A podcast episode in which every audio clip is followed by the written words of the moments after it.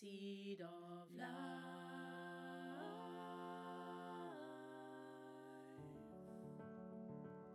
Aho, lieve jij. En leuk dat je erbij bent. In dit fantastische nu-moment. Maar ja, wie weet luister je wel gisteren. Of morgen. Of volgende week. Maar ja, dan is het nu. En vandaag, vandaag wil ik het eens hebben over een vraag die mij heel veel en heel vaak wordt gesteld. En daar gaan we het nu over hebben. Ja, wat is nu het verschil tussen ayahuasca en anahuasca? Tja, ook al mag je misschien niet meer in Nederland reizen, er zijn wel heel veel mensen die op deze plant medicijnen hebben gereisd. En dan uh, komen ze bij ons langs, doen ze een kambo-ceremonie ter voorbereiding van een nieuwe plantceremonie. En dat is trouwens een fantastische combinatie om je eerst heel goed te reinigen door middel van de kambo-kikker, waarin je echt je hele lichaam en al je cellen reinigt. Maar ja, dan zit je in die voorbereiding voor een plantceremonie en dan ga je naar een desbetreffende organisatie die ayahuasca schenkt. En dan kom je bij mij en dan, hé, hey, waar ben je geweest? Ja, daar en daar. Oh ja, heb je op ayahuasca gereisd. Ayahuasca? Nee, dat, ze zeiden dat het ayahuasca was. Ja, en dan ontstaat er een twijfeling van, ja, wat heb ik dan gedaan en waar heb ik op gereisd? Even vooropstellende, dit onderwerp voer ik al zeven jaar. Ik heb er meerdere vlogs over gemaakt op de Heilige Bron op YouTube. En nog steeds zijn er onduidelijkheden over. Maar laat me heel duidelijk zijn: er is geen goed of fout. Je kunt namelijk met beide een fantastische ervaring, inzichtelijke reis hebben of een draai om je oren krijgen. Want zo werkt het nou eenmaal tijdens een reis op een plantmedicijn, ofwel een entheogeen. Diepe inzichtelijke reizen zijn precies datgene wat je nodig hebt wanneer er of wanneer je erdoor geroepen wordt. Zo werkt het nou eenmaal. Niemand kan jou vertellen of zeggen: dit moet jij doen, want zo werkt het niet. Het kan alleen een diepe roep van binnen zijn om, ja, dit te willen doen, want het is niet niks. Maar het is wel belangrijk dat je weet waarop je reist. En of dat dan de ene of de andere T is. Laten we eens hebben over ayahuasca.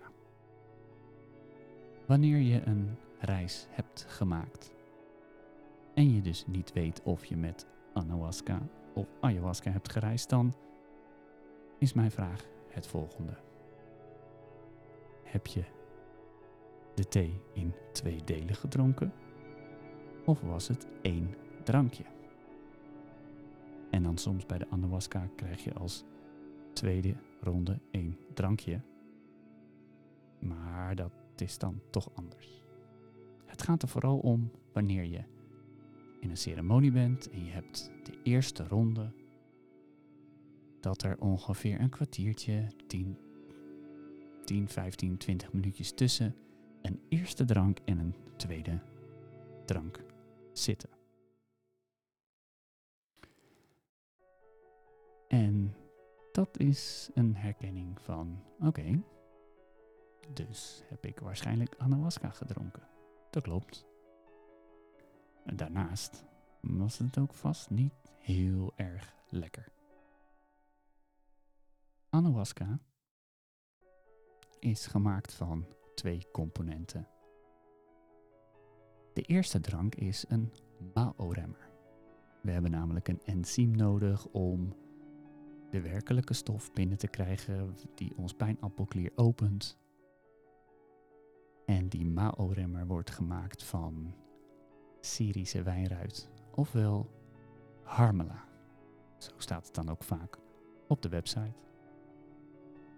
En deze harmela, dat is een struikje waarvan ze zaadjes koken en deze geeft een MAO-remmer. Welke dus nogmaals belangrijk is om het enzym plat te leggen in je maag. Om überhaupt de stof in je hersenen te krijgen.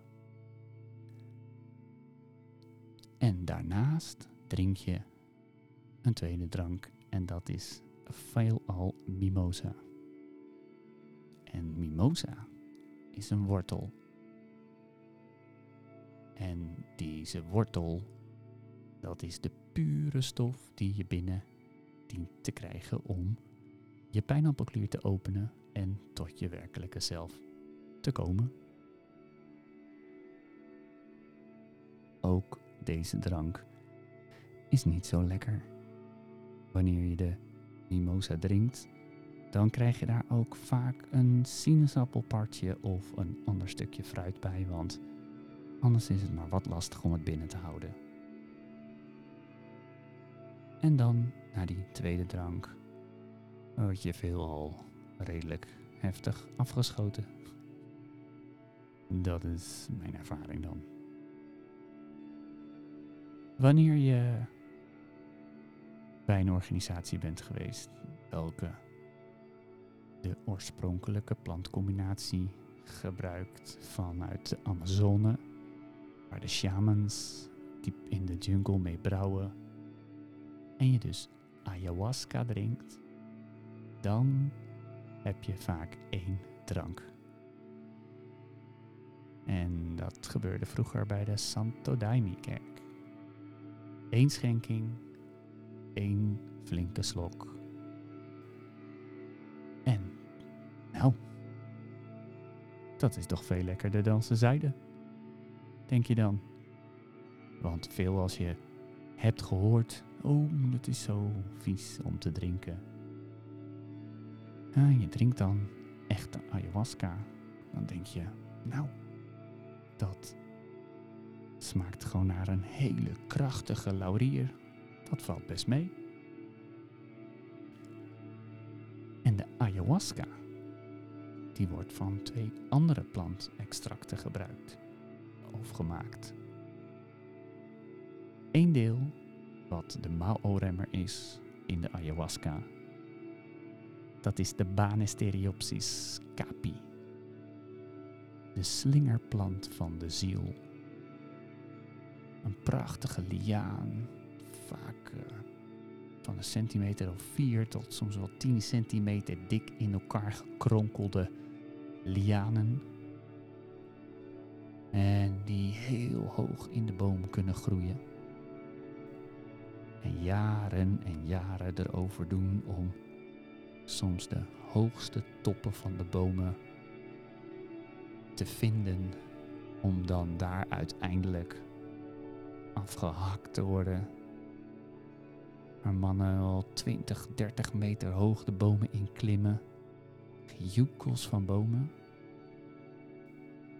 En dan, wanneer ze dat afhakken en ze staan beneden te wachten tot het valt, dan is het alsof die boom zucht doet en het loslaat. Net als dat jij in de ayahuasca ook los kunt laten. Al die informatie van al die jaren en informatie die de slingerplant van de ziel uit moeder aarde heeft getrokken, dat is alleen al, puur en alleen al, de Mao-remmer. En dan hebben we nog niet over de stof die nodig is om dat stofje in je pijnappelklier vrij te maken. Dat ene stofje wat ook vrijkomt in dromen als je geboren wordt en wanneer je sterft. En zo heb je een tweede deel nodig. En dat is vaak een blad. En daar heb je de chacruna in of chaliponga. En deze twee bladeren die groeien natuurlijk ook hoog in de boom. Dus ook een hoge energie in het licht. En in tegenstelling tot de ayahuasca, de Syrische wijnruit slash harmela, wat een plantje is wat laag bij de grond groeit, en de mimosa, die diep onder de grond zijn wortels heeft gesetteld. En nou, daar zit dus wel een behoorlijk verschil in. Hè? Of je iets hebt wat hoog en heel hoog in de bomen en heel lang heeft gegroeid. Dat dat in tegenstelling tot een wortel en een plantje wat kort en laag bij de grond groeit. En die verschillen, dat is wat ik persoonlijk ook ervaar. Vergelijkbaar met het verschil van truffels en paddenstoelen, waar truffels onder de grond groeien en paddenstoelen boven de grond, in het licht. Je weet wel, die mooie kindjes die moeder natuur ons brengt. Soms gratis en voor niets in het weiland. Maar wanneer je gaat reizen of hebt gereisd, dan is het toch best heel fijn om precies te weten waarop je reist. Wat heel veel mensen niet weten. En is het dan ook niet dat het voor sommige mensen meer geschikt is om juist ayahuasca te doen en om juist ayahuasca te doen? Nou, zei hij kort. Ja, zeker weten. Daar sta ik duizend procent voor in dat dat het geval is. Want met al mijn ervaringen en mijn fantastische opleiding in het werken met deze medicijnen, wat ik dan zelf nu niet meer doe, maar wel heel veel van geleerd heb heb ik de ervaring dat wanneer je een krachtig ego hebt, dat het juist goed is om de ayahuasca te doen. Maar wanneer je HSP, oftewel een high sensitive person, dat het misschien net wat beter is om toch maar eens de ayahuasca te doen. En is het niet altijd zo, maar hoor ik wel vaak dat mensen die met de ayahuasca reizen vaak meer antwoorden, uh, sorry, meer vragen krijgen dan antwoorden, waarbij je bij ayahuasca vaak het antwoord krijgt. Maar ook dat is toch veel al voor verschillende mensen iets anders. Want, tja, mijn ervaring is ook slechts mijn ervaring. Wanneer je nog niet met deze plantmedicijnen hebt gereisd en dit van plan bent, vraag je dan eens af hoe schoon jouw lichaam is.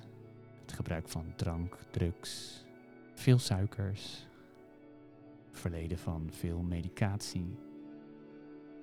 Want wanneer je gaat reizen op deze planten, en dat hoeft dan niet precies de een of de ander te zijn om deze ervaring te ervaren. Dat je bij een ceremonie komt en je denkt, ja, ik wil dit bereiken, ik wil dat bereiken, ik wil dit zien, ik wil antwoorden op deze vraag. En op deze en op deze. En dat je dus zes uur lang alleen maar aan het overgeven bent. Zes uur lang. En je bent niet blij de volgende dag, want ja, je had namelijk verwachtingen. Stel je eens voor dat jouw lichaam, zoals je wel eens vaker hebt gehoord, een heilige tempel is. En zou jij dan de deur voor of de prinses of de grootmoeder open willen doen in een vies en stoffig huis? Zou je die niet het liefst aan kant willen brengen? En dit is wat Kambo voor jou kan betekenen. Het opruimen van je cellen tot het hoogste niveau om te resetten, om zo ontvankelijker te zijn voor een plantmedicijn, maar ook schoon. Want wanneer je de boel eerst opruimt, dan kan of de prinses of de grootmoeder lekker met haar blote voetjes naar binnen en zegt van, oh wauw, wat fijn dat je je hebt voorbereid. En waarom zeg ik prinses en koningin? Um, tja. Tijdens mijn verschillende reizen met allebei de plantsoorten kreeg ik een prinses te zien. Mijn ayahuasca-reis. En ze zegt: Nou, lieve Denden, ik ben de prinses en ik heb hier zeven deuren. En deze zeven deuren die zijn allemaal voor jou. En jij mag kiezen. Ik heb hier zeven sleutels. En wanneer jij een van die zeven sleutels pakt, dan gaan we die deur in. En dan leid je je pad naar daar waar je naartoe wilt. Tja, ik doe die ene deur open en ik denk, ja, maar dat is niet zo heel erg fijn. Dus geef mij maar die andere sleutel. En die mogelijkheid kreeg ik. Er waren dus nog keuzes Oftewel, tijdens die reis was mijn ego nog best een bemoeienis, een bemoeial en iemand die zich daar ook mee kon bemoeien. Maar tijdens de ayahuasca, daar was de koningin. En de koningin zegt: Ik heb één deur, ik heb één sleutel. Ik doe die deur voor je open en dit is de deur of je hem nou leuk vindt of niet. We gaan naar binnen en ik doe hem op slot. Ja, dat is dan spannend, maar weet je wat het mooie is? De grootmoeder ayahuasca, de koningin, de koningin van de entheogenen, die gaat hand in hand met je mee en begeleidt je op je pad. En schenkt jou vaak antwoorden welke je op dat moment nodig hebt. Wanneer je gaat reizen bij een organisatie, vraag dan heel goed wat ze schenken. En wees je er dan ook van bewust dat je jezelf goed hebt voorbereid om jezelf op te schonen, dat je je, dat je je juist aan het dieet hebt gehouden en dat je dus zo met een goed gereinigde heilige tempel bij een grootmoeder of een prinses aankomt. Want wanneer je op die manier aankomt bij een van deze twee plantmedicijnen, dan A. is je reis dieper en mooier. En je gewoon beter en ontspannender voorbereid. En tot slot wil ik nog één vergelijking maken. Welke tot mij is gekomen na het reizen met beide planten. Waarbij ik ook één drankje, net als ik geloof deel 2 van het dagboek van een reiziger, waar het tweede drankje niet per se nodig was. En daar heb ik zo'n mooi inzicht voor gekregen nadat ik later met de ayahuasca ben gaan reizen. Toen dat tweede drankje echt begon te werken, toen kreeg ik het idee dat ik naar acht negen of tien speelfilms tegelijkertijd keek. En ik moest echt mijn uiterste best doen om deze speelfilms te volgen. En het was zoveel informatie. Het was te veel informatie en ik heb maar een klein deel opgeslagen. En toen kwam mijn ervaring met de ayahuasca. En daar was ze weer hoor, de koningin. De koningin die brengt me naar een plek waarbij een gigantisch scherm hangt. En daar begint mijn film. Die ene film. En ik, ben de hoofdrolspeler van die film. En daar bewandel ik mijn pad en krijg ik mijn inzichten. En daarna, na die reis, is alles mij ook meer en zoveel meer duidelijk dan dat ik persoonlijk heb ervaren tijdens het reizen met de prinses.